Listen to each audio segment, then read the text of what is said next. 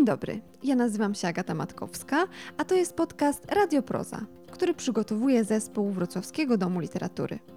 Dzisiaj, jako że wciąż mamy lato, porozmawiamy o książce kryminalnej, czyli gatunku przez wielu uważanym za idealny na wakacje. Książka, o której mowa, to Grzęzawisko Przemysława Żarskiego. Rzecz wciąż nowa, swoją premierę miała w sierpniu, ukazała się nakładem wydawnictwa Czwarta Strona Kryminału. Autorem w klubie Proza we Wrocławiu rozmawiał Waldek Mazur. Zapraszamy do słuchania.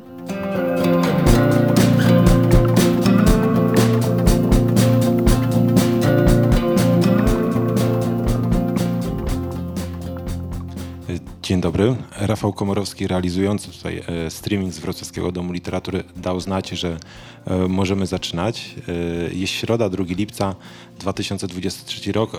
Do Wrocławia przyjechał Przemysław Żarski, żeby porozmawiać, żeby opowiedzieć o swojej najnowszej książce, thrillerze Grzęzawisko. Tutaj pokazuję do kamery. Książka ukazała się nakładem wydawnictwa Czwarta Strona Kryminału. E, co warto tutaj dodać. Jest to thriller, thriller, który w bardzo sympatyczny sposób myślę, że przynosi nas także do e, lat 90. O to chciałbym dzisiaj autora e, mocno popytać, bo we mnie ta książka naprawdę dużo sentymentów wywołała. Dzień dobry. Dzień dobry. Pozwoliłem sobie na taki nie, no, w nieoczywisty sposób rozpocząć spotkanie, w sensie mówię o sentymencie w kontekście książki, która jest thrillerem, ale autentycznie niesamowicie się bawiłem w momencie, kiedy były odnoszenia, akcja się przenosiła do lat 90.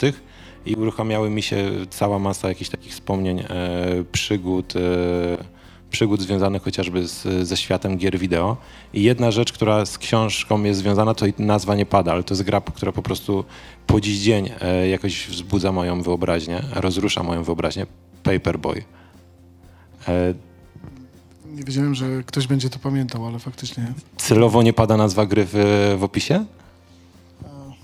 Tak, myślę, że celowo. Natomiast e, ta otoczka, ten opis. E, chciałem też e, zostawiać takie wielkanocne jaja dla czytelników, którzy po prostu sięgają po tę książkę i są związani jakoś emocjonalnie z latami 90., by nie wszystko podawać im na tacy, by czasami sami sobie coś odkryli, sami sobie coś znaleźli, tak jak ty wspomniałeś przed chwilą. Te jajeczka wielkanocne, czyli easter eggi, to jest rzecz bardzo, bardzo charakterystyczna dla e, współczesnej popkultury. Filmy, przede wszystkim kino się w tej chwili e, uwielbia e, w ten sposób bawić. Ta książka Grzęzawisko w ogóle się składa z takich e, bardzo sympatycznych odniesień i takiej zabawy popkulturą, e, zabawy konwencjami, ale zacznijmy e, jednak od innej rzeczy. Mianowicie jak bardzo Przemysław Żarski zbliża się, to znaczy oddala się od thrilleru, kryminału i czy jest w ogóle szansa, że niebawem napiszesz książkę, która będzie powieścią obyczajową? Bo tutaj, e, w takim dobrym znaczeniu tego słowa, e, bardzo dużo jest e, takich elementów powieści obyczajowej. I teraz wszyscy fani kryminału i thrillerów trochę się przerazili. Szczerze mówiąc, zawsze jak piszę swoje książki, nad którymi aktualnie pracuję, to nigdy nie zastanawiam się, czy to ma być thriller, czy to ma być kryminał. E, staram się pisać po swojemu, staram się pisać swoje rzeczy, na których aktualnie mi zależy, a od szufladkowania tego są zarówno czytelnicy, jak i dział marketingu. E, zawsze tak mówię dziewczynom z czwartej strony kryminału, że e, napiszę powieść, a wy sobie ją tam oprawcie tak jak chcecie, to znaczy napiszcie, czy to jest kryminał, thriller kryminalny, czy cokolwiek. Masz rację, no w jakimś stopniu na pewno powoli od tego odchodzę. E, skupiam się też na innych rzeczach.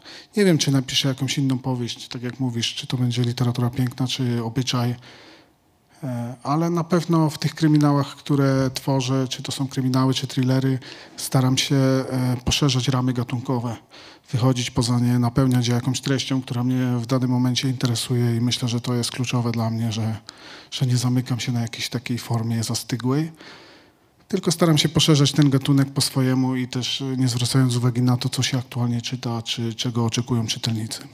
Mhm. Z wykształcenia, z zawodu, z wykształcenia jesteś e, dziennikarzem. Pracowałeś przez wiele lat jako e, reporter. W tej chwili też z tymi mediami współpracujesz, pracując jako rzecznik w biurze prasowym Urzędu Marszałkowskiego, jeżeli to, to, są informacje cały czas aktualne? E, nie rzecznik, ale pracuję w biurze, w biurze prasowym. To okay, bo... od, kil, od, już kilkunastu lat. Wcześniej rzeczywiście jako reporter. E, no i to dziennikarstwo było od początku, więc zawsze byłem związany z pisaniem.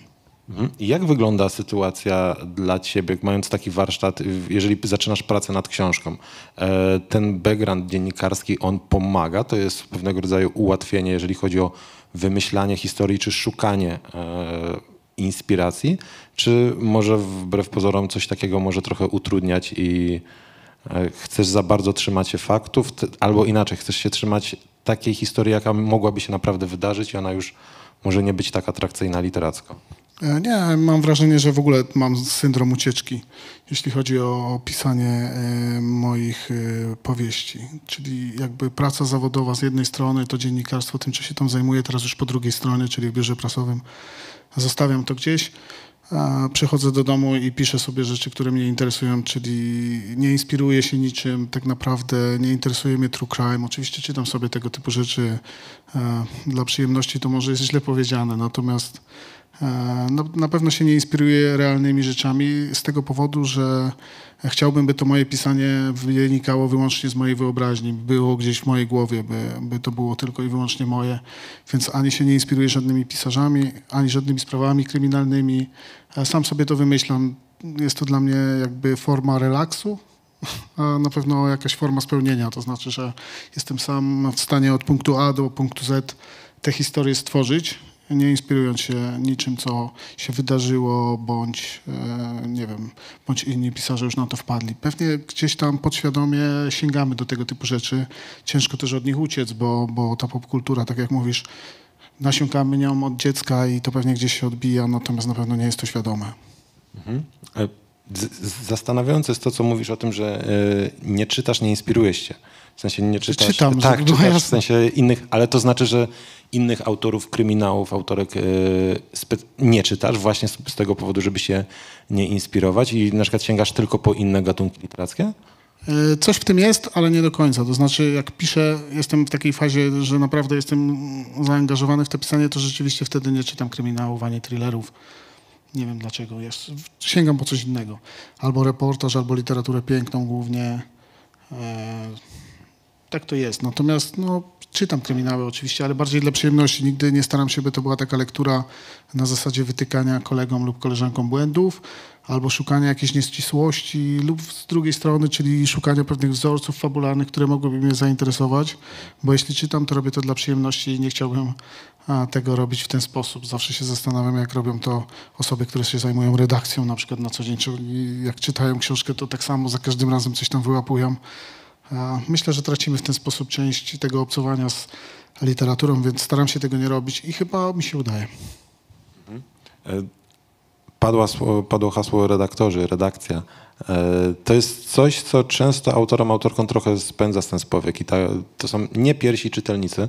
E, u ciebie pierwsi czytelnicy to są inne osoby. Wspominasz o ty, wspominałeś o tych wywiadach, ale w którymś momencie następuje ten proces, kiedy do redakcji oddajesz książkę. E, zgrzęzawisko, tutaj historia była inna, w sensie, bo mówiłeś, że też ta historia jest dla ciebie ważna. W takim krótkim wideo, które jest nagrane, jest na YouTubie do znalezienia, gdzie jesteście e, z osobą cię pytającą na grzęzawisku w kaloszach, e, tam wspominasz na koniec taką istotną rzecz, że ta książka była dla ciebie ważna, ta historia była dla ciebie ważna. Widać taki ładunek emocjonalny, który tobie towarzyszy, słychać w twoim głosie. Jestem ciekaw, skąd czy tutaj trochę jest twoich historii e, osobistych, e, tego powrotu do lat 90. do dzieciństwa, to raz. Dwa, i czy coś takiego sprawia, że z trochę innym ciężarem się oddaje maszynopis e, wydawcy? Złożone pytanie. Nie, to po pierwsze nikt nie czyta moich powieści przed wysłaniem ich do redakcji. Nigdy, nikomu nie daję. A to jest przesąd taki, czy? Nie, nie mam żadnych przesądów, natomiast E, nie wiem, zawsze jest, nigdy nie jestem gotowy, żeby oddać książkę. Ja tak naprawdę mógłbym nad nią pracować jeszcze z 10 lat. Pewnie dalej bym nie był gotowy. E, więc y, jak już ją wysyłam, no to już żałuję, że ją wysłałem, ale tak naprawdę dopiero do redakcji ją wysyłam. Nie chciałbym, żeby ktoś czytał rzecz, która nie jest ukończona, która nie jest wystarczająco dobra, którą ja nie uważam za wystarczająco dobrą, może tak to określę, więc nikomu tych książek do czytania wcześniej nie daję, ani fragmentów, ani całości szeroki temat. Czemu ta historia jest dla mnie ważna? W ogóle mam wrażenie, że staram się pisać teraz książki, które są dla mnie ważne. Jakoś nie umiem pisać książek, które są nieważne. Dlatego e, jak zaczynałem tę powieść, to ona miała być zupełnie inną powieścią. I pamiętam, że wyrzuciłem dużą część do kosza, bo po prostu e, nie było w niej tego, co chciałem przekazać. Nie było w niej takiego nacisku emocjonalnego, o którym wspominasz, e, takiego ładunku, który chciałbym przekazać. Czułem, że ona jest e, o niczym tak naprawdę. A jeżeli książka jest o niczym, no wiadomo, kryminał zdarza się, że, że jest napakowany akcją i tak naprawdę sam jak go czytam, to nie bardzo wiem, odkładam tę książkę i mówię, no okej, okay, fajnie się pobawiłem, natomiast nic z tego nie wynika.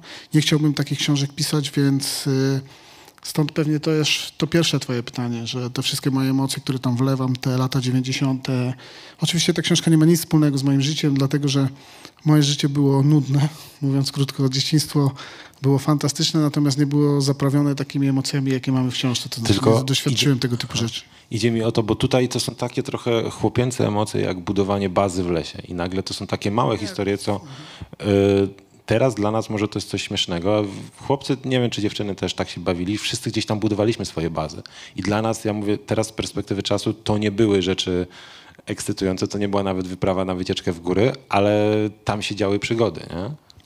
To znaczy, ja w ogóle mam wrażenie, że dojrzewając w latach 90., e, nasz świat się ograniczał, zawsze to powtarzam, do tego horyzontu, który mamy przed nami. Tak naprawdę nikt z nas, z tych osób, które ja znałem, wśród których się otaczałem, nie sięgał dalej. Nie marzył gdzieś o jakichś, e, wiesz, krainach za morzem. Tak naprawdę ten świat był bardzo e, duży, bardzo szeroki, dla nas nieznany. E, to też są ostatnie lata przed internetem, tak naprawdę, przed tym, kiedy ta globalna wioska nam się bardzo skurczyła. E, nie wiem, czy dzisiejsze pokolenie jest w stanie to zrozumieć, natomiast moim zdaniem ta, ten domek na drzewie, ta grupka przyjaciół, to był cały nasz świat wówczas. Tak spędzaliśmy czas po lekcjach, tak spędzaliśmy czas w wakacje. E, I, oddając klimat tych czasów w tych powieściach, nie mogę od tego uciec, nie mogę zrobić czegoś, E, w czym sam jakby nie wyrastałem. E, staram się przekazać jak najwierniej te, te sytuacje, te relacje, te miejsca. I tak jak mówisz, to są pewnie drobne rzeczy, tak samo jak gra planszowa, tak samo jak ten domek na drzewie, tak samo jak te rozmowy niektóre, o czym tam rozmawiamy. To wszystko są małe rzeczy, ale z tych małych rzeczy składała się nasza rzeczywistość. Więc jeśli nie pokażemy ich e, dzisiejszemu czytelnikowi, to on tak naprawdę nie będzie w stanie zrozumieć, na czym ona polegała. E, dlatego tak wiernie staram się to zrobić. Natomiast no, czy się udaje, to trudno powiedzieć. No zdecydowanie się udaje i ten klimat lat 90. to jest jeden z największych atutów tej powieści, poza historią, do której e, za chwilę, ale to już Państwu wspominałem, e, czuć te lata 90. Ci z Państwa, którzy lata 90. pamiętają, a zwłaszcza jeżeli się wtedy wychowywali, ja wspomniałem o Paperboyu, tam jest cała masa innych gier kontra na Pegasusa i tak dalej. To naprawdę uruchamia e, niesamowitą liczbę skojarzeń. E, muzyka, która, którą e, słuchałem na Walkmanach, i tak dalej. Nawet takie sytuacje, kiedy odwiedza e, znajomych paczkę kuzynka jednej z osób, e, i to już jest trochę taki nastrój, jakby przyjeżdżał ktoś z zagranicy niemalże. Tak naprawdę jest osoba z większego miasta tylko, która mieszka kilkadziesiąt kilometrów dalej. Może w, ale już jest taka egzotyka lat 90. To jest świetnie tutaj oddane, ale też e, wydaje mi się, że tutaj kolejnym gigantycznym atutem tej książki e, to jest konstrukcja bohaterów, gdzie nagle odchodzimy od takiego stereotypu postaci, e, które, z których możemy często spotykać na kartach powieści kryminalnych. I nagle mamy główną bohaterkę. I nie chodzi o to, że tu nie mamy policjanta, tylko policjantkę, ale kim ona jest. Aleksandra Łazar, tutaj nie, nic nie spoilerując, to nie jest typowa żona i matka. Już chociażby od tego e, zaczynając, bo to nie będzie też spoiler, ale po pierwsze ma problem z mężem, e, taki, albo może mąż ma z nią problem, ale co jest według mnie bardzo mocne i odważne, jeżeli jesteśmy w Polsce, 2023 rok, trochę jesteśmy krajem konserwatywnym, podchodzącym tak E, stereotypowo do pewnych e, rzeczy, a tu nagle mamy główną bohaterkę, która ma pięcioletnią córkę i chyba się nie odnajduje w roli matki. Nie bałeś się, że taka bohaterka może odtrącić czytelników i nie być tym magnesem, który będzie ich trzymał, bo, bo ją po prostu z niej lubią za to, że jest niedobrą żoną i nie chcę mówić złą matką, ale po prostu matką, kobietą, która zdała sobie sprawę, że macierzyństwo może być ciężkie. I, i mówi o tym. E, poruszyłeś dwie rzeczy. Rzeczywiście e, pisząc miałem takie wrażenie, że może się tak zdarzyć. Pytanie tylko, co z tym robimy dalej? Czy chcemy, by czytelnicy wszystkich bohaterów lubili, kochali i w ogóle się z nimi utożsamiali, czy chcemy ich pokazać w miarę wiarygodnie? Tradycyjnie starałem się wybrać drugą wersję. To znaczy, ja w ogóle mam wrażenie, że obserwując ludzi dzisiaj, to nie jest takie cukierkowe, jak nam się wszystkim wydaje. E, każdy z nas, szczególnie w wieku podobnym do mnie, czyli mniej więcej około 40 roku życia, może później, może wcześniej, w zależności od osoby, e, w swoim życiu spotyka osoby, które są jakby na rozdrożu. Na rozdrożu, jeśli chodzi o życie prywatne, zawodowe, jeśli chodzi o relacje, jeśli chodzi o ambicje, karierę. E, to jest moim zdaniem naturalne. No, dlatego opisywanie takich osób, chociaż tak jak mówisz, one nie zawsze będą się cieszyć wielką sympatią, bo sam już dostaję czasami wiadomości, że na przykład e, właśnie to podejście do córki jest, jest inne niż można by było oczekiwać. Natomiast ja chciałem pokazać osobę z krwi i kości. E, taką z własnymi dylematami, która tak naprawdę nie wie, co chce zrobić ze swoim życiem. E, która nie jest do końca usatysfakcjonowana z tego, jak ono się potoczyło i nie bardzo wie, co zrobić dalej. Takie osoby, które nie bardzo wiedzą, co zrobić dalej, jest strasznie ciężko pokazać w literaturze. Bo wtedy mamy wrażenie, że czasami autor nie do końca wiedział, co z nią zrobić. Natomiast no, to był mój celowy zabieg, tym bardziej, że ja sobie założyłem, że to będą dwa tomy tej historii, e, więc mam jeszcze pewien pomysł na tom drugi. Czy ona jest złą matką? Ja bym tego też tak nie nazwał, tak jak mówisz. Ja bym powiedział, że ona się może czuje nie najlepszą matką, tylko pytanie jest, czy my takich momentów nie mamy w życiu, nie? Czy nie czujemy się w pewnym momencie, że, że faktycznie nie jestem najlepszym ojcem, nie jestem najlepszą matką, że zaniedbuję swoje dziecko, że nie wiem, poświęcam się pracy, poświęcam się pisaniu, tak jak ja. Więc te dylematy są moim zdaniem żywe i chciałem je przekazać w tej książce. Chciałem pokazać, że, że ludzie też składają się z lekkich e, niedoskonałości że nie są papierowymi wydmuszkami, które mogą się poruszać tak, jak im każemy i tak, jak chcą czytelnicy, tylko sami mają problem ze sobą, ze swoimi decyzjami i z tym, w którą stronę chcą pójść. E, tutaj takie jeszcze kwestie techniczne. E, rozmowa jest streamowana e, na platformie Facebook, na, między innymi na portalu, na stronie czwartej strony wydawcy na Wrocławskim Domu Literatury. Gdyby ktoś z Państwa chciał zadać pytanie, a nie ma go tutaj z nami w prozie, to można online'owo w formie komentarza. Ja w drugiej części rozmowy zerknę tam i zobaczę, jeżeli jakieś będą pytania, to autorowi je zadamy. Ci bohaterowie, tych bohaterów jest kilku mamy Ole Łazar, która jest główną bohaterką, przynajmniej jeżeli chodzi o tą współczesność. Ta współczesność to jest 2019 rok. E, przenosimy się też do lat 90., o czym była mowa. Głównie to jest rok 96, e, ale nie tylko. E, I tam pojawia się, jest grupa młodociana, nastolatków. I znowu rzecz bardzo fajnie oddana. Różnego rodzaju hierarchie, problemy, problemy także z seksualnością e, tych dzieciaków, rzeczy, które były tematem tabu wówczas, o których teraz wiemy e, trochę więcej. Ty pochodzisz z mojej miejscowości? Nie, natomiast w mojej miejscowości też w ogóle to był inny czas. Nie wiem, pewnie jak osoby, które są z lat 90. to oglądają, będą wiedzieć, to były zupełnie inne czasy, moim zdaniem. Nawet jeżeli pochodzę z dużej miejscowości, która liczyły obecnie około 200 tysięcy mieszkańców, ale były dzielnice. Sami nie przeprawialiśmy się do, drugą, do drugiej dzielnicy, bo mogliśmy dostać w zęby, mówiąc krótko. E, nie wiem, wszyscy traktowali to wówczas naturalnie. Tak było. E, więc te dzielnice też były pewnymi enklawami, w których się funkcjonowało, mając te lat kilkanaście, prawda? Więc, więc może one też były takimi małymi miejscowościami, o których wspominasz. E, bo tak jak mówię, no nie sięgaliśmy dalej, nawet nie sięgaliśmy do sąsiedniego miasta. Ja w ogóle mieszkam teraz w województwie śląskim cały czas, więc tamte miasta nie jest tak jak koło Warszawy, gdzie mamy niewielkie miejscowości i Warszawę, tylko tam jest dużo miast średniej wielkości obok siebie. Tak naprawdę dzisiaj przejeżdżając przez Śląsk, nawet nie wiemy, kiedy przekraczamy granicę jakiegoś miasta. Więc tak bym tego nie rozpatrywał, natomiast osiedle, osiedle, dzielnica to było coś, co nas łączyło i w, w sumie poruszaliśmy się wokół tego. No, te małe miejscowości to złe słowo, raczej chodziło o te małe społeczności, które tutaj osiedle, małe społeczności, jak najbardziej. E, dzielnice i tak dalej. E, pytam się o to, bo czy nie czy boi się, czy masz to w nosie, e, czy ludzie nie zaczną e, szukać wśród twoich znajomych, twoi znajomi, którzy wiedzą, że piszesz, e, czy nie zaczną siebie o, doszukiwać się w tych historiach, w tych postaciach, bo no trochę jest surowy jesteś w stosunku do nich, w sensie można ich trochę znielubić. Nie, Mamy tam osoby, które prześladują, osoby, mamy, mm, okej, bez e, ujawniania za dużo, ale to, co się dzieje trochę w szkole, jest agresja, jest przemoc. Ale tak wiesz, tak było w każdej szkole moim zdaniem. Dzisiaj ta przemoc jest trochę inna. Ona ciągle istnieje, nie możemy tego bagatelizować. Przemoc w szkołach jest. Natomiast ona trochę zmieniła wektor moim zdaniem. Dzisiaj jest też przemoc elektroniczna, internetowa, natomiast wcześniej tego nie było. Wcześniej było bardziej przemoc fizyczna. Nie wiem, może ja pochodzę tylko i wyłącznie z takiej miejscowości, gdzie ta przemoc była, natomiast obserwowałem ją na korytarzu szkolnym. E, Ja to w sumie ani nie byłem po jednej stronie, ani po drugiej tak naprawdę, więc ja byłem obserwatorem, w ogóle cały czas jestem obserwatorem, mam wrażenie. I, e, i dlatego to nie są realne postaci, bo ja e, nie czerpię wzorców ze swojej przeszłości.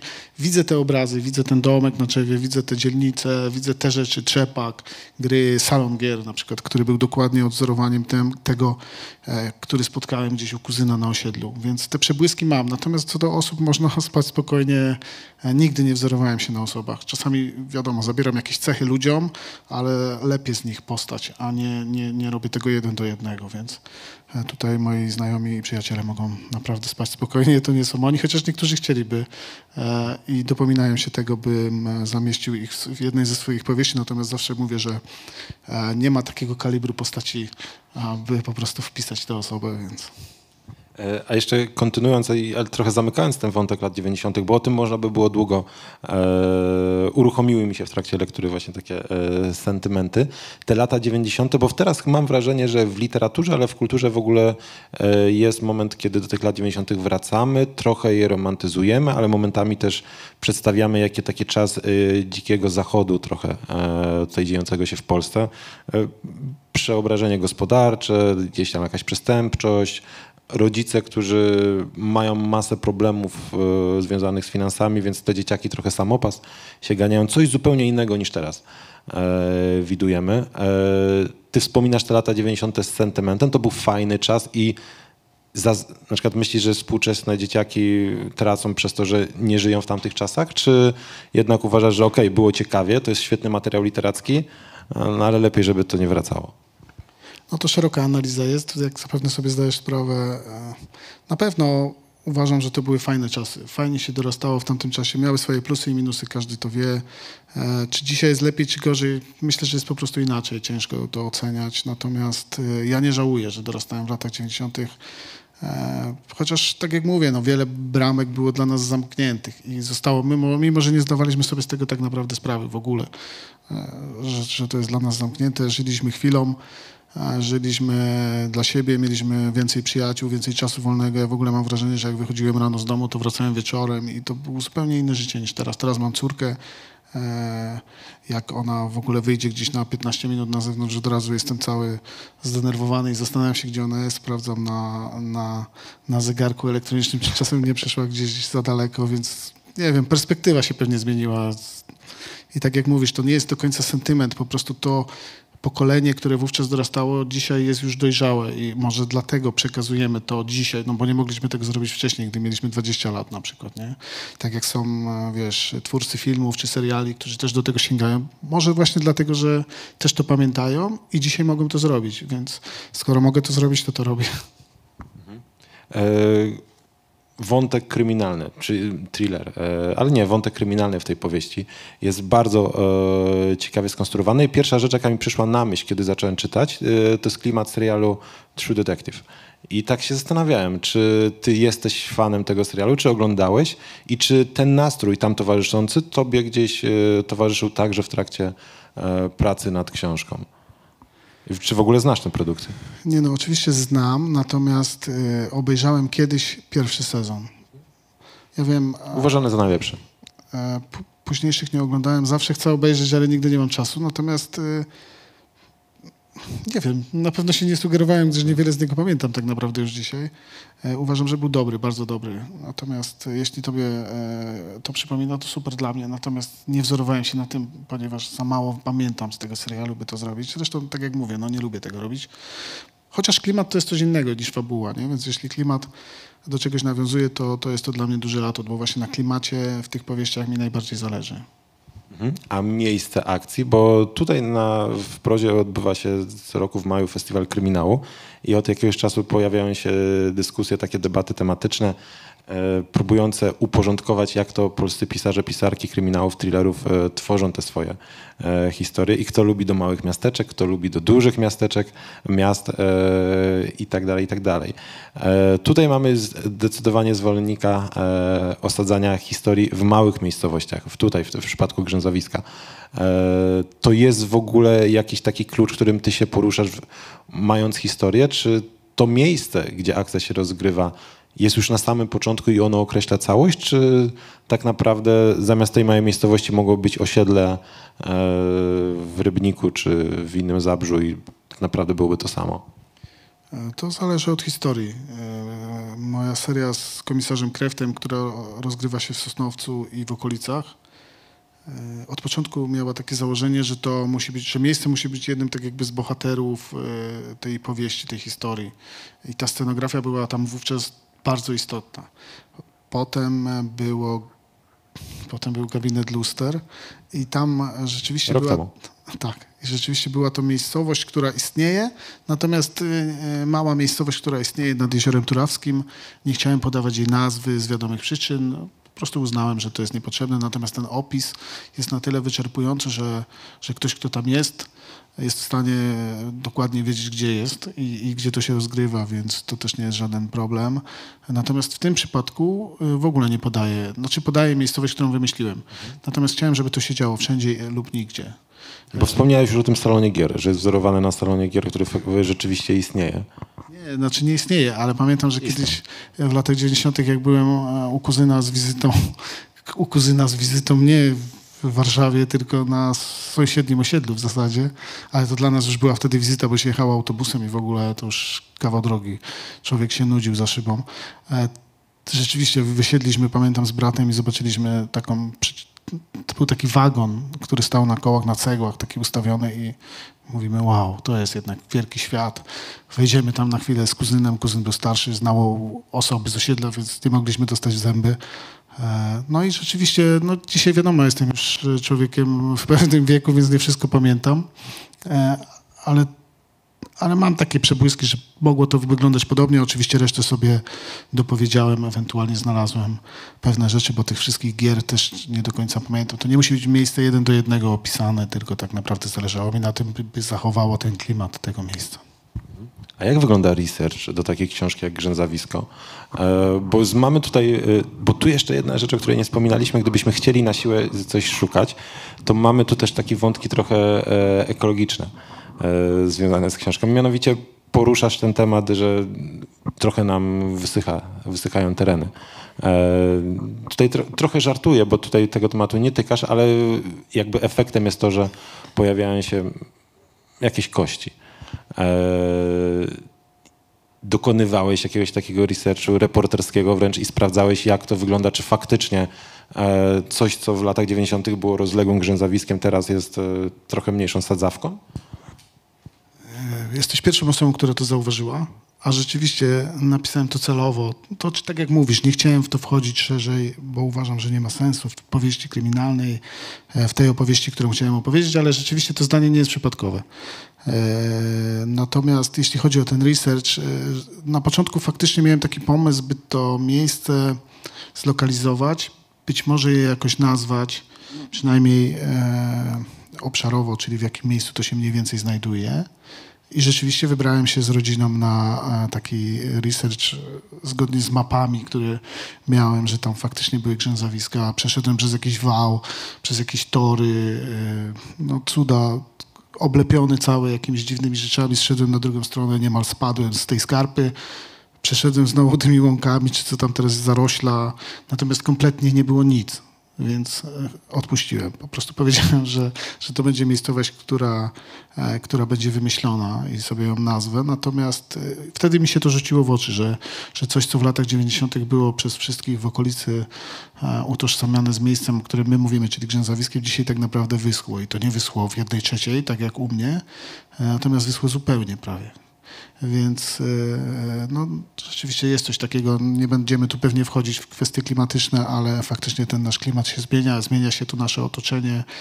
I wtedy przyszło mi do głowy, że rzeczywiście coś takiego mogłoby się wydarzyć, bo, bo skoro takie miejsca giną, nikną i, i zmieniają swoją konsystencję, to tak naprawdę możemy tam znaleźć wiele ciekawych rzeczy.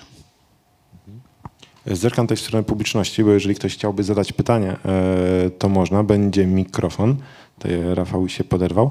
Ale jeżeli tych pytań e, jeszcze nie ma, to my wracamy tutaj e, do rozmowy o grzęzawisku. Proszę po prostu podnosić ręce w którymś momencie, jakby Państwo chcieli nam przerwać.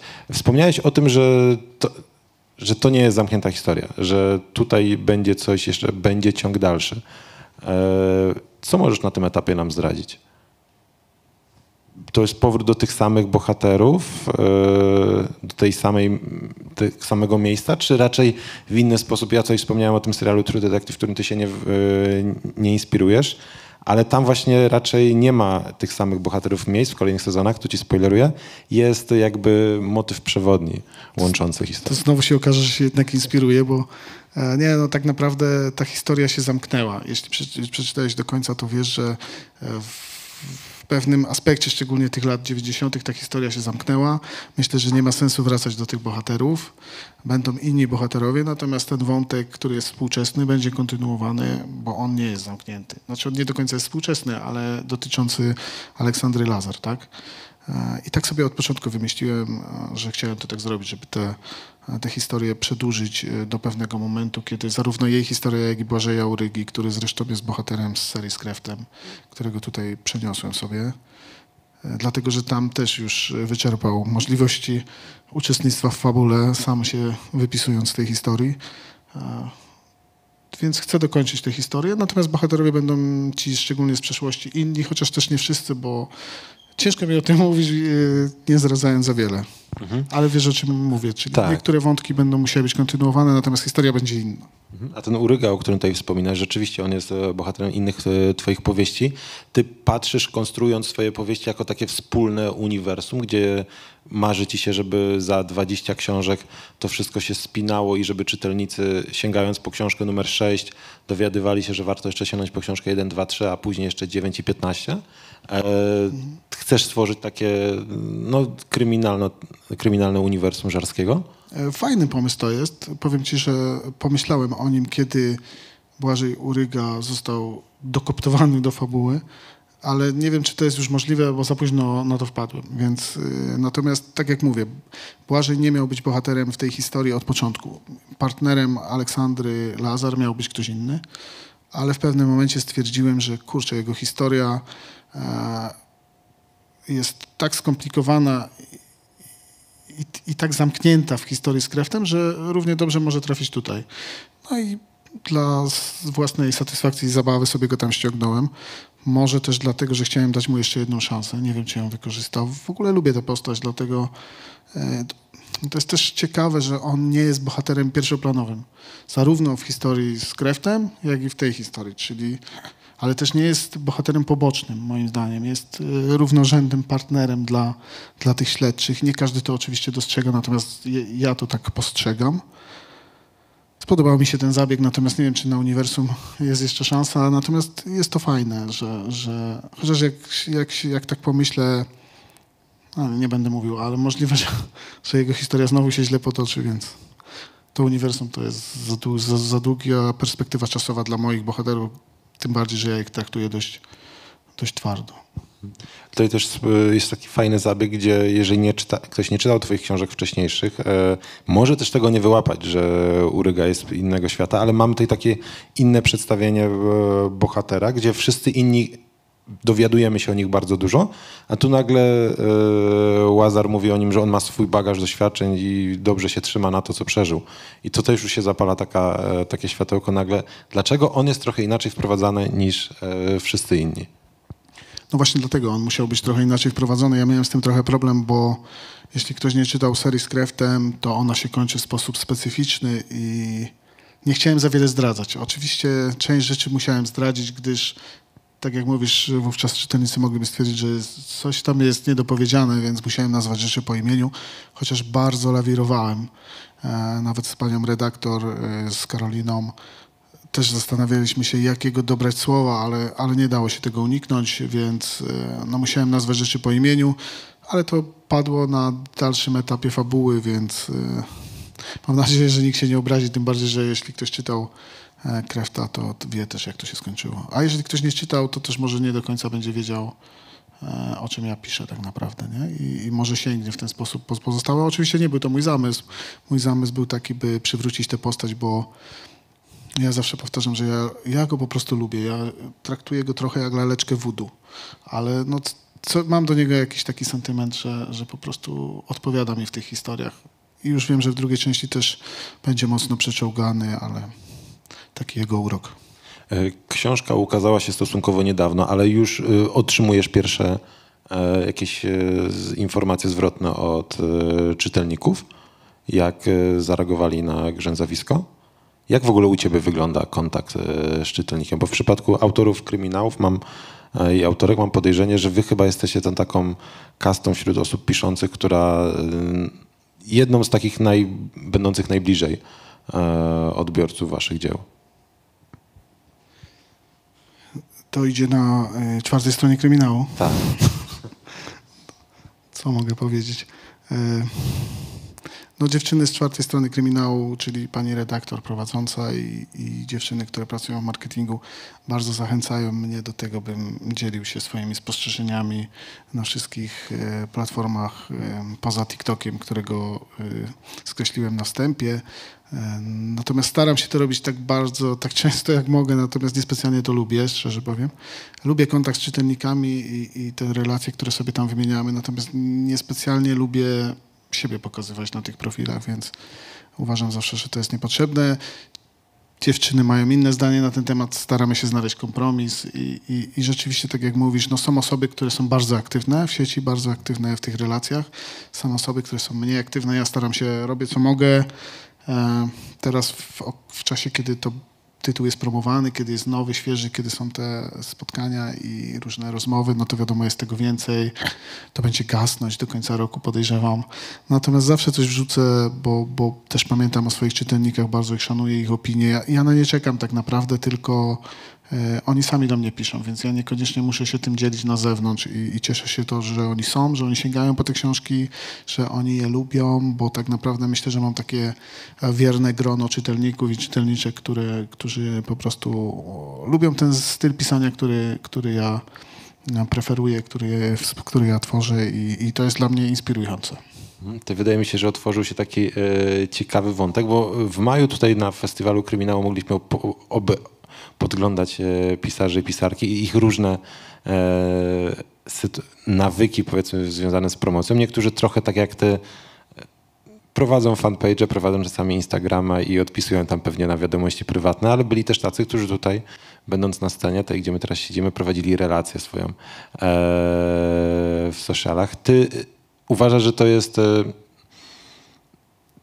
bo, bo, nie boi się tego, że to jest przyszłość i będziesz skazany na to, żeby może nie TikToki nagrywać, ale rolki i shortsy wrzucać na swoje e, media społecznościowe. Pytam się tak to naprawdę poważnie, bo trochę w tę stronę literatura idzie, gdzie, gdzie nie tylko już wystarczy napisać książkę, ale też trzeba być trochę jej e, promotorem, w sensie influencerem niemalże. Mam wrażenie, że uzgadniałeś to pytanie z dziewczynami z wydawnictwa. Oczywiście. Naprawdę. Wysłali ale, ale tak mówiąc serio, najkorzystniejszą dla mnie sytuacją byłoby to, gdybym mógł pisać i w ogóle się tym nie zajmować. To byłoby dla mnie e, najfajniejsze. Mógłbym robić to, co lubię naprawdę. To możliwe, że jak twoi bohaterowie byś musiał do lat 90. się przenieść. Możliwe. Może to z tego wynika też, że wtedy dorastałem. Nie, nie mam potrzeby eksponowania siebie w social mediach, social mediach i ale rozumiem Ciebie, rozumiem to, że, że ten rynek w tę stronę zmierza, natomiast na pewno mam pewne granice, których nie przekroczę. TikTok jest jedną z nich. Rolki udało się e, rzeczywiście e, Bartkowi z bliskich spotkań e, nakłonić mnie do tego, bym to zrobił. Do dzisiaj żałuję, tak pół żartem, pół serio, ale e, no niespecjalnie się w tym czuję. Uważam, że to jest... E, że to nie jest mój świat po prostu. Natomiast y, jak na osobę introwertyczną i tak wydaje mi się, że robię sporo e, w tych y, tematach, więc e, to prawda wiadomo, co znaczy sporo dla mnie, a co znaczy sporo dla marketingowców, więc wiemy o czym mówimy. Myślę, że znajdziemy kompromis, jakoś to będzie wyglądało, natomiast tak jak mówię, no, nie jest to moje naturalne środowisko. Mhm. Żebyś, żeby, żebyśmy się zrozumieli, nie chodzi o to, że ja wymagam od pisarzy, pisarek, żeby, żebyście prowadzili wszyscy e, relacje w trakcie spotkań autorskich, co swoją drogą jest ciekawe, kiedy e, mamy jeszcze często streamingi i to idzie już w ileś tam stron na różnych e, portalach, można trochę oszaleć. Ja mam też takie poczucie, że wtedy trochę to spotkanie z pisarzem, pisarką, które jest czymś takim wyjątkowym, trochę może tracić na wartości, ale z drugiej strony pandemia pokazała, że nagle można z takimi spotkaniami jak dzisiaj dotrzeć do osób, gdzie normalnie byś się nie wybrał e, do miejscowości, do których e, Przemysław Żarski by nie, z książką nie pojechał, ale e, streaming tam może się pojawić. To jest jedna rzecz, promocja książek, ale też w świecie kryminałów jest gorącym tematem, tematem od lat już omawianym jest tempo pisania. Tempo pisania, które chyba cały czas rośnie. E, ty nie wydajesz książek najczęściej. Masz też e, swoją pracę zawodową, e, która, jak można się domyślać, pewnie się w niej realizujesz. To nie tylko idzie o kwestie finansowe. Jak na to się zapatrujesz? W sensie w ubiegłym roku, patrząc, nie w tym roku, ale jeżeli chodzi o książki z ubiegłego roku, analizowałem książki zgłoszone do nagrody Wielkiego Kalibru. Co zerknąłem? Mróz tam był na pierwszym miejscu, zrobił pięć książek. Ktoś jeszcze też miał pięć tytułów. Cztery, trzy, e, dwa to jest totalna norma. W sensie to już to, co kiedyś się wydawało, że wydać dwie książki rocznie, to wow, to to jest jacyś giganci pracy. W tej chwili autorzy kryminałów, autorki przechodzą do tego, żeby dwie książki pisać w roku, to staje się czymś normalnym. E, słuszne są Twoje obserwacje. E, rzeczywiście tak jest. Nie wiem, czy to dobrze, czy to źle. Rzeczywiście podziwiam osoby, które są w stanie napisać pięć książek rocznie, czy tam cztery, czy trzy, czy dwie. Mówiąc poważnie, ja pracuję, więc y, mój czas na pisanie to jest między godziną 17 a godziną 20 i to nie każdego dnia, bo wiadomo, mam też inne obowiązki. Więc to jest technicznie niemożliwe, moim zdaniem, żeby pisać dwie, trzy książki rocznie, już od czterech, pięciu to w ogóle nie mówię. E, też nie do końca bym chciał to robić. E, ja w ogóle mam wrażenie, że mam e, to się wydaje dziwne, bo każdy uważa, że przewagę, wiadomo, przewagę na rynku mają ci autorzy, którzy piszą dużo książek, którzy wydają je często. Natomiast ja zawsze sobie tłumaczę, że mam tę przewagę nad autorami, że ja tak naprawdę nie muszę tego robić. Że ja nie robię, nie piszę książek dlatego, że ja muszę je napisać, ponieważ goni mnie termin, ponieważ e, jestem zawodowym autorem i muszę to zrobić. Nie mam innego wyjścia, tylko piszę książki, ponieważ chcę i piszę książki takie, jak chcę i w takim tempie, w jakim ja chcę. E, jest to dla mnie atut. Oczywiście na rynku wiemy, jak to wygląda. No, no to jest taki wyścig kombajnu z, z Porsche, nie? Czyli oni mają dużo czasu, mają możliwości, no to a ja sobie dłubię gdzieś po godzinach, ale nie to jest dla mnie najistotniejsze. Uważam, że to, że oni to robią w takim tempie jest naprawdę imponujące i ja nigdy bym złego słowa nie powiedział na Remigiusza Mroza, którego bardzo szanuję i uważam, że pomijając to, czy mi się jego książki podobają, czy nie, to to, że potrafi pracować tak no systematycznie, pracy, tak, to jest znakomita cecha i bardzo ją podziwiam. Natomiast sam nie jestem w stanie tego zrobić ze względów technicznych. Też nie do końca bym chciał, w ogóle uważam, że oddawanie książki w terminie e, sprawia, że ona nie jest taka, jakbyśmy chcieli, tylko taka, jak wymusza to na nas rynek, jak wymusza to na nas wydawca. E, nigdy tego nie robię. Staram się oczywiście trzymać swoich reguł, to znaczy gdybym mógł, to pewnie pisałbym książki jak Cormac McCarthy, czyli co 17 lat na przykład, albo co 20. Bym sobie dłubał w nich, nie wiem, w nieskończoność. Wiem, że to tak dzisiaj nie działa i że trzeba to robić szybciej, ale jednak daję sobie tyle czasu, ile potrzebuję. Przy, przy grzęzawisku dałem sobie chyba jeszcze jeden miesiąc dodatkowo po to, żeby to przejrzeć, przeczytać. Po prostu tego potrzebowałem. Uważałem, że, że muszę to zrobić i nie interesuje mnie termin, nie interesuje mnie deadline. E, zresztą tutaj akurat muszę powiedzieć, że jeśli chodzi o czwartą stronę kryminału, nie mam z tym problemu. Dziewczyny to rozumieją e, i, i chyba akceptują. Na pewno chciałyby, żebym pisał dwie książki, ja też bym chciał. E, ale chciałbym oddawać takie książki, na których mi zależało i w które wkładam całe serce. Jeśli byłbym to w stanie zrobić w trzy miesiące, to byłbym z siebie dumny, ale nie jestem. W pół roku też nie jestem. I myślę, że ten wyścig jest ten wyścig jest, trwa. Myślę, że autorzy się ścigają, natomiast nie jest najkorzystniejszy dla literatury. Ale to jest wyścig na zasadzie, kto może więcej, czy wyścig na zasadzie, przez to, że mogę więcej, e, więcej tortu zagarnę, więcej rynku będzie, padnie moim upem? Ciężko mi powiedzieć, bo tak naprawdę nigdy nie, nie stosuję tego swojego pisania w kategoriach rywalizacji z innymi autorami, bo ja uważam, że to jest dyscyplina indywidualna.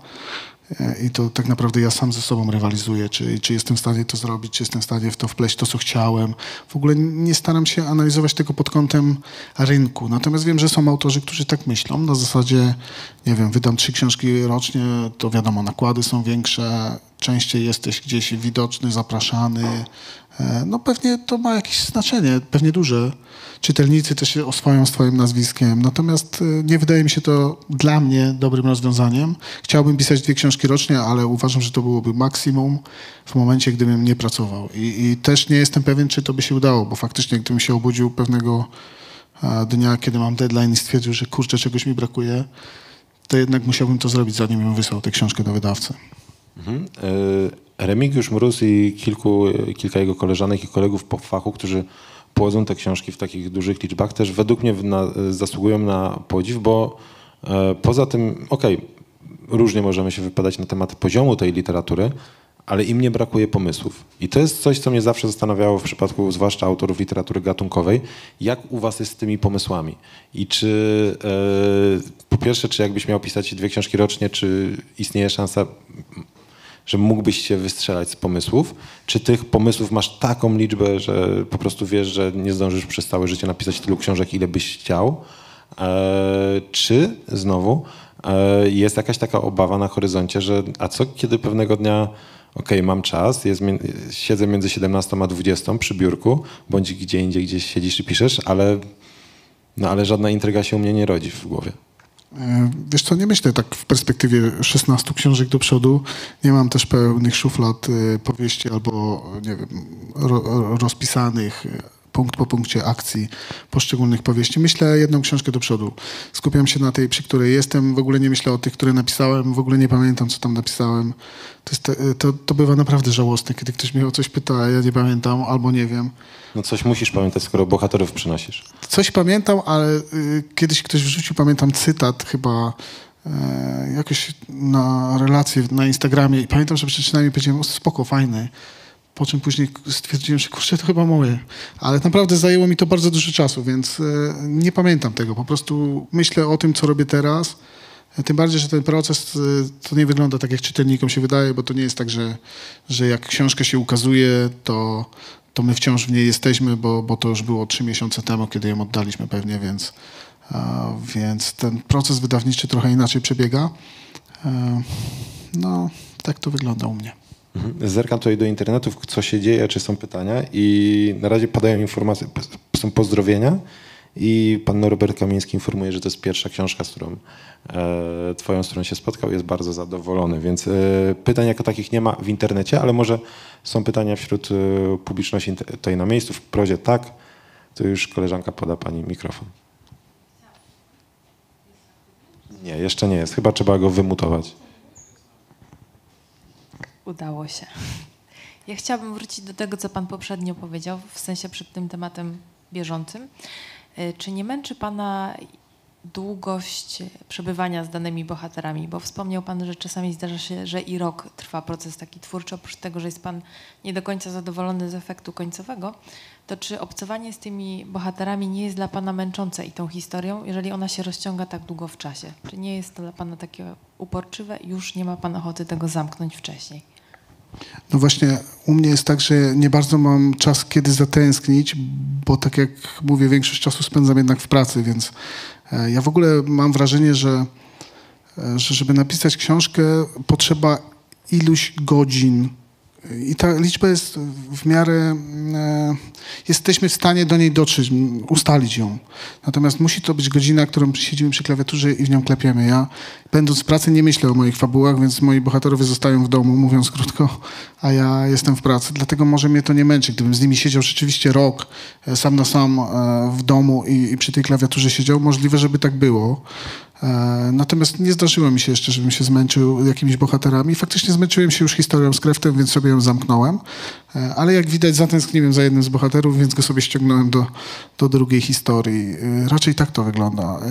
Rzeczywiście wynika to pewnie z tego, że, że ten mój czas jest ograniczony i co, co więcej, najbardziej drażni mnie z kolei nawet nie sami bohaterowie, tylko to, że jak wypadnę z tego obiegu pisarskiego, a, a, często się to zdarza, bo jestem, nie wiem, w weekend w pracy albo e, po godzinach, czy nie mam mnie tydzień i, i, w ogóle zapominam, co ja napisałem. Tak naprawdę mam tam sobie ponotowane jakieś notatki, ale zapominam ten klimat, to, to co chciałbym tam zawrzeć drukuję sobie to, znowu to czytam, tracę tak naprawdę czas na to, żeby wbić się z powrotem w tę historię, by, by poczuć jej klimat, by, by się napędzić jakoś.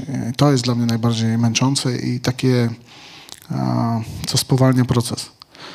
Sami bohaterowie e, teraz są nowi, więc może jest mi łatwiej. Jeszcze się do nich nie przyzwyczaiłem do końca.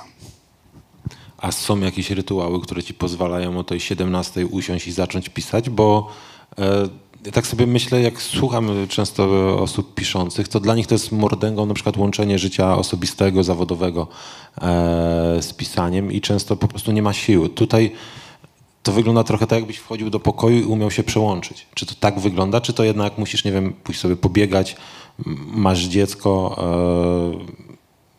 E, ja wiem, jak to potrafi rozpraszać, o tak. Mam dziesięcioletnią córkę. No nie jest to tak właśnie, jakby się wydawało, bo ja też może źle określiłem, że przychodzę o 17, piszę do 20. Absolutnie. Ja mówię, że tylko wtedy mam czas, ale piszę różnie, albo do 18 do 20, albo w ogóle nie piszę. Albo piszę od 21 do 22. E, no właśnie to jest najtrudniejsze w tym moim pisaniu, że jest e, nieregularne i, i to strasznie mnie to wybija z rytmu. I, I, też, tak jak mówię, no, siedząc i pisząc jakąś powieść trzeci dzień z rzędu i widząc moją córkę, która się nudzi gdzieś tam w pokoju, e, no jest pewien dysonans wtedy w tej pracy. Mówię, kurczę, może jednak powinienem się zająć tą córką, a nie, a nie klepać w tę klawiaturę, bo tak naprawdę no, mam wrażenie czasami, że to jest trochę egoistyczne może to jest e, złe wrażenie, natomiast ja tak czasami mam, więc odrywam się od tego, staram się zająć córką, e, znowu tracę czas, e, nie mówię, że tracę czas na córkę, tylko tracę czas, w którym mógłbym pisać, no ale nie jestem w stanie tego przeskoczyć od pięciu lat. Więc przyzwyczaiłem się do tego, że tak musi być. Czasami jest, kiedy jest ten moment, kiedy ja już muszę pisać, bo po prostu te końcówki, te ostatnie rzeczy, które redakcja na przykład, nie jestem w stanie tego przesunąć w nieskończoność, tylko mam na przykład tydzień, dwa, no to rzeczywiście włączam sobie muzykę w słuchawkach i próbuję się odciąć w jakimś tam pokoiku, sobie siedzę.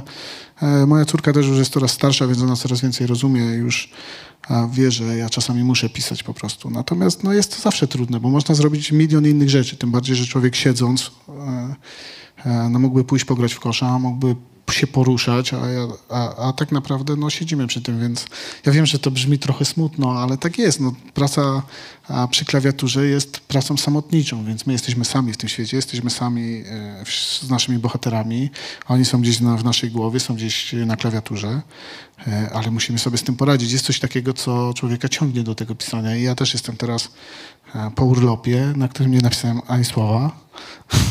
ale spędziłem go świetnie z moim bratem, później z rodziną, więc wiem, że powrót do tej historii będzie trudny, bo będę znowu musiał to wydrukować, znowu będę musiał przeczytać wszystko od początku, znowu wczuć się w ten klimat, znowu sobie wymyślić te trzy rozdziały do przodu. Ale lubię to, po prostu coś mnie, coś mnie skłania do tego, bym to robił. I nie jestem w stanie od tego uciec. Już mam takie poczucie, że, że mi tego brakuje, więc ja zawsze, jak kończę książkę, to mówię, że już nigdy więcej. E, mija kilka tygodni, rozruch e, i znowu siadam i znowu coś próbuję pisać. Więc myślę, że będę pisał zawsze. Pytanie, czy będę wydawał, tego nie wiem. E, na pewno będę pisał. Mhm. Zerkam jeszcze raz w stronę Państwa. Czy ktoś chce zapytać? Nie? To ja jeszcze chciałem... Ja mam na... pytanie, A, jak okay. mogę. Tak. Bo bardzo jest to ciekawe, co Pan mówi o braku czasu i o godzeniu pisania prozy z pracą zawodową, bo wydaje mi się, że bardzo rzadko do nas docierają takie świadectwa, bo wydaje mi się, że to, co obserwujemy w mediach i w social mediach, to jest taka figura pisarza, e, autora, autorki powieści, który siedzi na tarasie i zamyka się na miesiąc, patrzy na swoją łąkę i ma wolną głowę i może pisać. I to jest bardzo ciekawe, e, że Pan mówi o tym, e, łączeniu życia zawodowego z pisaniem prozy i dla mnie to też jest ciekawe. Pozwolę sobie na taką prywatę, bo mówi się o tym, że pisanie poezji jest najbardziej egalitarnym z pisania. E, ja e, pisałam wiersze do tej pory, co jest właśnie super łatwe w łączeniu tego e, z e, pracą zawodową, bo wiersze się pisze w międzyczasie, po jakimś wersie gdzieś i nie ma tego siedzenia, o którym pan mówi. I teraz się przestawiłam na prozę jestem w szoku, jak, a pracuję zawodowo, jestem w szoku, jak bardzo trzeba nad tym siedzieć i ile czasu to zabiera. I chciałam zapytać, czy w związku z tym, ja dopiero zaczynam i to jest dla mnie trudne, czy jest w ogóle miejsce na coś takiego jak wena, bo wiadomo, że są lepsze i gorsze dni przy pisaniu. I czy y, jak u pana wygląda zapisy, pomysły na fabułę i w ogóle jakieś takie zapisywanie? Czy pan w międzyczasie sobie coś notuje, a potem zasiada do tego spisywania tego? I czy rzeczywiście jak ma pan na przykład gorszy dzień, to pan się jakoś przełamuje i pisze, bo ma akurat czas. I chciałam takie techniczne rzeczy zapytać. No właśnie to są takie rzeczy, na które nie zawsze zwracamy uwagę, bo, bo tak jak pani wspomniała, mamy wrażenie, e, i tutaj wracamy do social mediów płynnie, że rzeczywiście ma, pewnie są autorzy, którzy mogą się skupiać tylko i wyłącznie na tym i, i to jest dla mnie super. Uważam, że E, że jeżeli mają takie możliwości, to trzeba z tego korzystać. Natomiast jeśli nie mają, to muszą sobie też zdawać sprawę, jak to wygląda technicznie. No nie da się tego przeskoczyć. Chyba, że ktoś potrafi pisać bardzo szybko, e, od razu bardzo dobrze, no to wtedy to się udaje. Natomiast w moim przypadku nie ma czegoś takiego jak wena, bo w moim przypadku jest coś takiego, że muszę usiąść i pisać. Natomiast yy, nauczyłem się już na podstawie tych kilku powieści, że jeśli usiądę nie mając jakiegokolwiek planu na następny rozdział, to ja stracę ten czas tak naprawdę. Albo wyrzucę ten rozdział, albo w ogóle nic nie napiszę. Więc ja sobie, ja nie jestem w stanie zaplanować książki od A do Z, dlatego że w trakcie i tak wymyślam inne rzeczy, które y, burzą całą tę koncepcję. Dlatego ja sobie wymyślam trzy rozdziały do przodu na przykład, które wiem, które powinienem napisać. Tak sobie tworzę i wtedy zasiadając piszę daną scenę. E, na drugi dzień ją redaguję, bo, bo staram się ją napisać, wypluć z siebie, mówiąc kolokwialnie, natomiast później ją poprawiam. Kiedyś też ten e, system miałem inny, że poprawiałem zdanie po zdaniu, ale straciłem na to mnóstwo czasu i tak naprawdę nie posuwałem się w ogóle do przodu, więc e, wolę ten zarys fabularny z siebie wyrzucić, a na drugi dzień do niego wrócić i go zredagować. E, więc w ten sposób teraz funkcjonuje, czyli jeśli miałbym stworzyć trzy rozdziały, to potrzebuję tygodnia mniej więcej. No i tak jak mówię, no zawsze tego czasu brakuje, więc jak nie mam sił, to po prostu nie piszę, ale generalnie nie mam czasu. Jeśli wracam o 20, to już stwierdzam, że, że to się już nie uda, jestem zbyt zmęczony.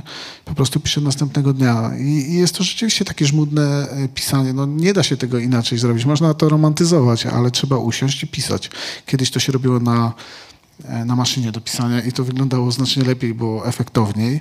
Dzisiaj się to robi na laptopie najczęściej, chociaż są też autorzy, którzy piszą ręcznie. E, no i dłubiemy w tych literkach cały czas, aż do skutku.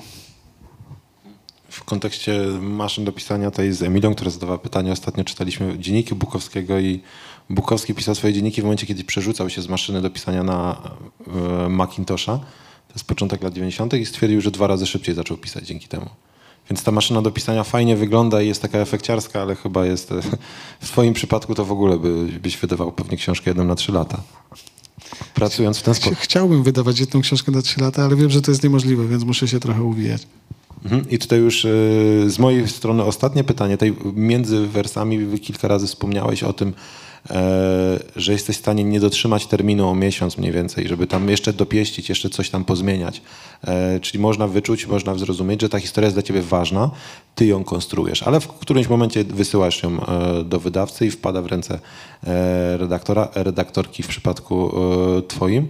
I co wtedy tak naprawdę się zaczyna? Jak dużo jesteś w stanie E, bo są legendarne historie na temat tego, co redaktorzy, redaktorki potrafią e, zrobić z książką, jak potrafią tam namieszać, czasami poprawić, e, ale są też autorzy, autorki, którzy bardzo źle to znoszą. Jak u Ciebie wygląda? Bo to jest Twoje dziecko, literackie dziecko. Piszesz taką historię, jesteś z nią związany emocjonalnie. W przypadku Twojej pracy to jest jeszcze podejrzewam więcej, bo Ty poświęciłeś, wiemy już teraz po tej rozmowie, że to jest że trudny proces, związany z Twoim e, życiem zawodowym e, i osobistym, więc może wydawać się, że jeszcze bardziej Cię boli, jak ktoś zaczyna Ci w tym grzebać. Y, Zależy o jakiej mówimy redakcji, bo jeżeli mówimy o, mm, mm, o redaktorze... Pierwszej redakcji. Pierwszy etap, czyli tutaj w przypadku czwartej strony kryminału był to Adrian Tomczyk, teraz A, to jest to. Ania Rychlicka-Karbowska, więc rzeczywiście to się zgadza. I powiem szczerze, że na tym etapie nigdy nie zdarzyło się, żebym dostał jakieś uwagi typu, nie wiem, dopisz rozdział, zmień kolejność. Y, Nawet tytuły zostały wszystkie, które zaproponowałem od samego początku, więc, więc t- tego typu rzeczy się nie natknąłem. Nie wiem, z czego to wynika. Czy, czy redaktorzy po prostu boją się mi to zaproponować, czy uważają, że jest okej. Może jest po terminie już, nie ma czasu. no właśnie, trzeba zapytać już redaktorów. Natomiast już na etapie takiej redakcji, gdzie pracuję tym razem z Karoliną, e, która jest świetną redaktorką i, i fajnie się z nią dogaduję, to rzeczywiście no, tam już są e, kwestie związane z wiadomo, ze zdaniami, z pewnymi rzeczami, które tam... To też nie jest, że coś zmieniamy, czy coś poprawiamy zupełnie, że coś wywalamy, jakiś rozdział albo go dopisujemy, ale sam wpadam w pewnym momencie na pewne rzeczy. Teraz w Grzęzawisku też e, już na, etap, na tym etapie redakcji wpadłem na jeden pomysł, który niestety, niestety dotyczył całej książki.